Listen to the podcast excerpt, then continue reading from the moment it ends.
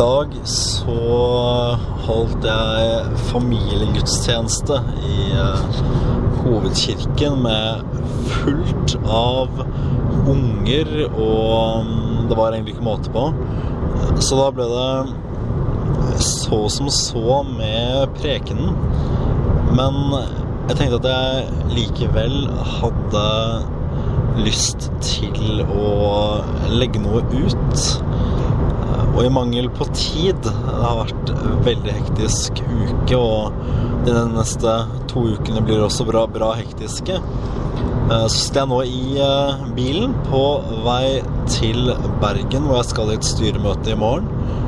Eh, og tenkte å si noen ord om dagens prekentekst.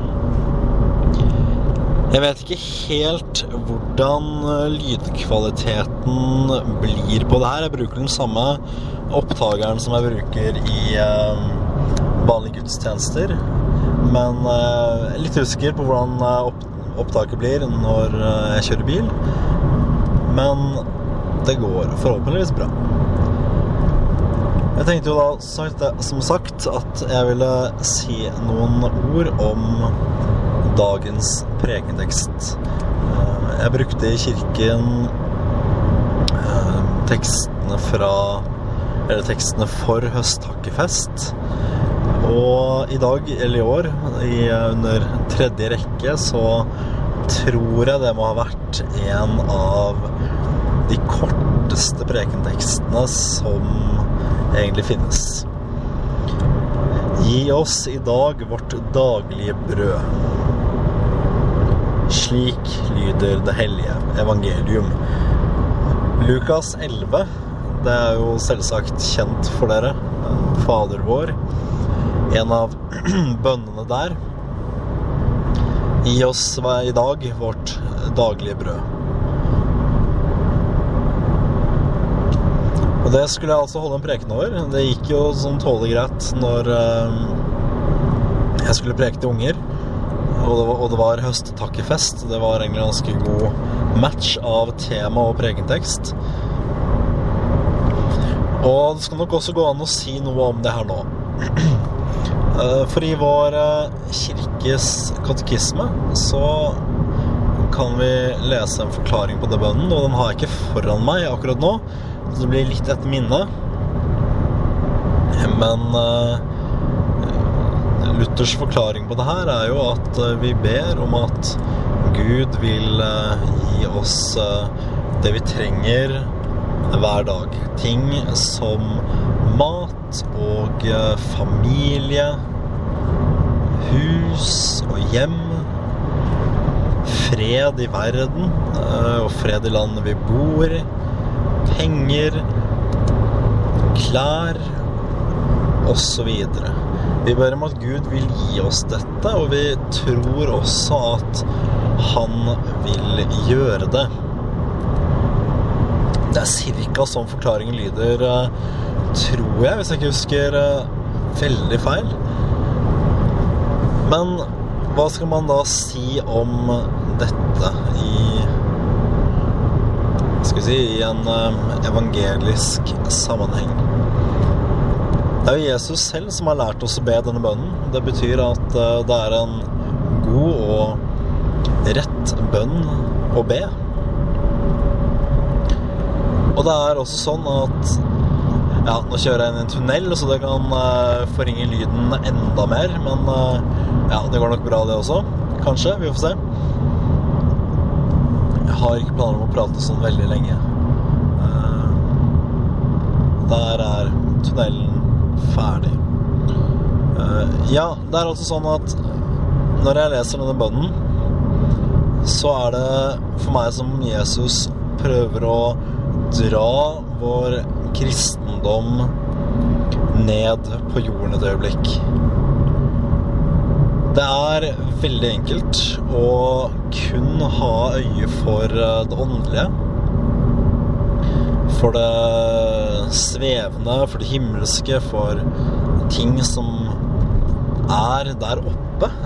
Som er absolutt veldig gode og fine ting som Altså, evangeliet er jo primært et åndelig evangelium om syndenes forlatelse og forsoning med Gud og den type ting. Men at Jesus drar vår kristendom ned på jorden et øyeblikk som for å si at den religionen dere har, den er ikke primært åndelig.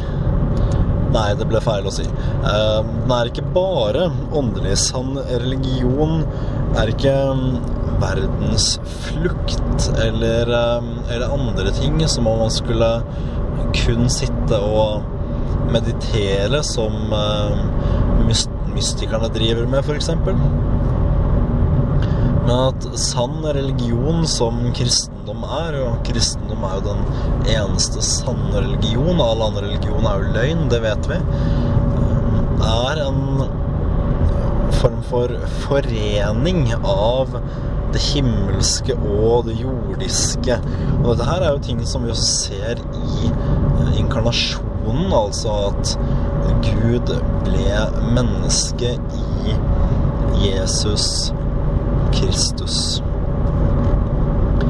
For det er en fare, akkurat det der, at kristendom blir overåndelig. Og det har vi så mange eksempler på overåndelig kristendom. Og det er Altså ender i 95% av tilfellene minst opp i vranglære. En av de første vranglærer som kristenheten kjempet imot, det var gnostisismen. Og gnostisismen de lærte at verden var blitt skapt av en ond skapergud, og ble da frelst av en frelsesgud. Uh, som en følge av dette så forkastet gnostisismen alt det kjødelige, alt det verdslige. Det er ikke sann kristendom. Uh, og det her har også fulgt sekter opp til våre dager. Hvor man kan se at mange av kanskje særlig de verste karismatikerne, men også andre har preg av dette er gnostiske i sin natur, blir eh, overåndelige og glemmer også eh, det verdslige. Glemmer eh, skaperverket og Guds gode gaver til oss. Det er klart at pendelen kan svinge for langt i andre retningen også. Der hvor man fullstendig kan glemme skaperverket, så kan man også havne i en eh, grøft hvor man tilber skaperverket over skaperen, eller det skapte over han som skapte det. Det er en like farlig vranglære. Og vi kan se spor av det i vår moderne, liberale, lutherske kristne eiendom. Eh, som selvfølgelig er et avspor. Men eh, vi ser eh, absolutt hint av dette, hvor det man kaller for vern om skaperverket har blitt på en måte et av de nye store motordene de kanskje siste 20 årene. Det er ganske vanskelig å snakke om disse tingene og holde balansen. Eh, for som kristne så er vi satt på denne jorden eh, for å forvalte den. Dyrk jorden, legg den under dere, bli mange. Eh, vi har fått denne jorden av vår Herre Gud Fader selv, og vi skulle stelle godt med den som gode gartner i Guds hage. Men utfordringen er jo selvfølgelig når dette antar de former som det har gjort i vår kirke de siste årene, hvor eh, vern om skaperverket har i vel stor grad tatt plassen til den sanne evangeliske forkynnelse. Man snakker masse om skaperverket, og man glemmer evangeliet om syndens forlatelse for Jesu Kristi skyld. Det er et problem. Du som hører på, trenger selvsagt ikke en grundigere forklaring om hvorfor dette her er et problem, men en tanke som slo meg for noen uker siden, er at det her er den nye loven og evangeliet. Hvor man, fordi man har sluttet å snakke om loven og evangeliet i den sanne, klassiske forstand, så har man som kirke måttet erstatte det med noe annet. Det man da har gjort, er at man har tatt klimakampen og det man da har kalt for vern om skapverket, for å gi det et klassisk kristenklingende navn. Så har man da loven, som er at vi mennesker forurenser osv. Og, så og spiser kjøtt og flyr med fly og bryter alle klimakampens ti bud. Og også da evangeliet, som ikke lenger er syndenes forlatelse, men blir da forstått som en altså det, det er nesten vi kaller en liberalteologisk pietisme. Hvor du har også selvfølgelig mistet nåden. Det er noe av det første som ryker når du slutter å snakke om synd, synd i tillegg. Men du får en liberalteologisk pietisme hvor du selv må oppnå din egen frelse ved å slutte å spise kjøtt, slutte å fly, kjøpe klimako klimakvoter, unnskyld, osv. Det er jo en fryktelig greie at det her har tatt plassen til den sanne, trøstende forkynnelsen om syndenes forlatelse. Et sted midt imellom disse to grøftene skal vi som kristne befinne oss. Og hvordan vi gjør dette, kan være vanskelig å forstå. Det, det, det syns jeg selv. Men jeg tror noe av nøkkelen ligger i nettopp det som denne søndagen da blir kalt i kirkeåret, høsttakkefest. Hvor vi kommer sammen for å takke Gud Fader over alle de gode tingene han har gitt oss i skaperverket. Akkurat nå så kjører jeg gjennom Vestlandet, et av de fineste naturområdene vi har her i Norge. Og selv så er jeg jo da til daglig prest i Sogn og Fjordane, innerst i Sognefjorden. Det må være et av verdens vakreste naturområder, vil jeg mene. Og det som da slår meg, er for det første hvordan Gud har skapt en fantastisk vakker natur som vi mennesker får lov til å nyte av. Og ut av denne naturen så gir Gud oss mat. Han gir oss dyr som vi kan spise. Han gir oss frukt og grønnsaker, korn og mye mer. Han har også gitt oss evner til å forstå hvordan vi faktisk skal få mat ut av alle disse tingene som han har gitt oss. Videre så gir Gud oss også mange andre gode gaver. Han gir oss familie og venner. Han gir oss arbeid og penger. Og han gir oss um, en kone en dag for um, noen av oss. Uh, for um, andre så blir det kanskje med vennskapet. Men Gud gir oss alle disse gode tingene. Han gir fred i Norge, og han gir mot til å forsvare når det ikke er fred. Og han gir oss så utrolig mye godt. Og han gir oss nye dager. Han gir oss hvile. En høsttakkefest handler om takknemligheten over alle disse tingene som Gud gir oss. Ikke bare det, men også bevisstheten om at Gud gir oss alle gode gleder fra verden. Det er jo selvsagt sånn at alle verdens gleder også kan misbrukes så det blir synd. Men Gud har gitt oss mer til vår glede, som musikk og idrett, litteratur, filmer osv., osv. Listen er lang. Og alt dette her er gode gaver som Gud gir oss.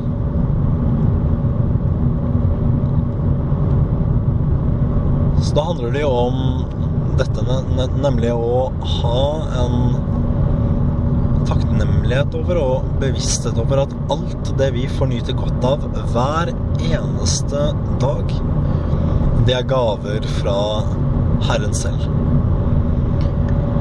Det er ikke sånn at alle disse tingene har altså en åndelig eller helliggjørende verdi hvis man forstår det i en sånn klassisk eh, fromhetstanke. Slik som f.eks. bønn og salmesang og bibellesning har. Men det er nettopp det som er styrken i den eh, evangelisk-lutherske kristendom, nemlig dette at også det hverdagslige, også det verdslige, er Altså bærer med seg Guds velsignelse. En sann evangelisk-luthersk kristen ber og leser i Bibelen. Finner eh, glede i dette så godt han klarer.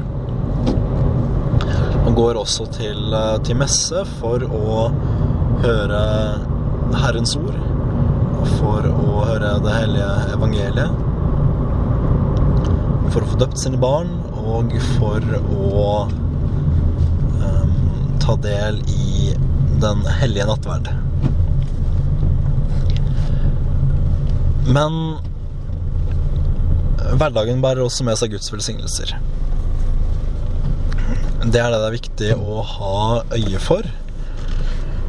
Det er viktig å la pendelen svinge jevnlig, så den ikke stopper et sted. Så den ikke stopper i en um, hva, skal vi, hva skal vi kalle det? En form for overtanke om skaperverket, eller tilbedelse av skaperverket. Og heller ikke stanse i overåndeligheten, men at pendelen får svinge fritt mellom disse to tingene. Og at vi alltid har med oss i tankene våre at Gud gir oss alt dette gode.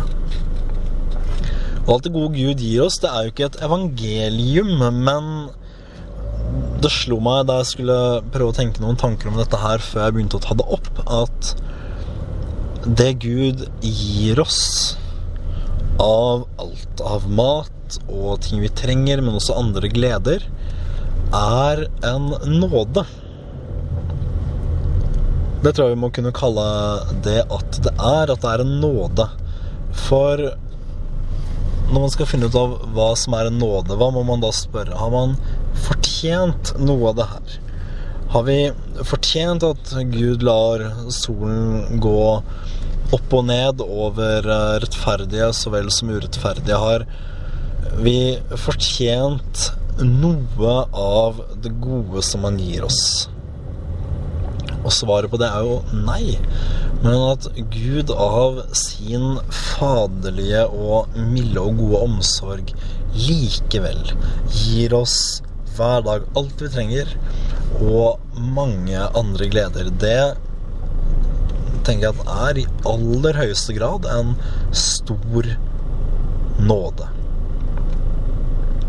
Og så må vi jo selvsagt alltid ha for øye at den største nåden av dem alle, det er at Gud Fader ga for oss mennesker og til vår frelse sin egen sønn, Herren Jesus Kristus, til døden for å sone alle våre synder.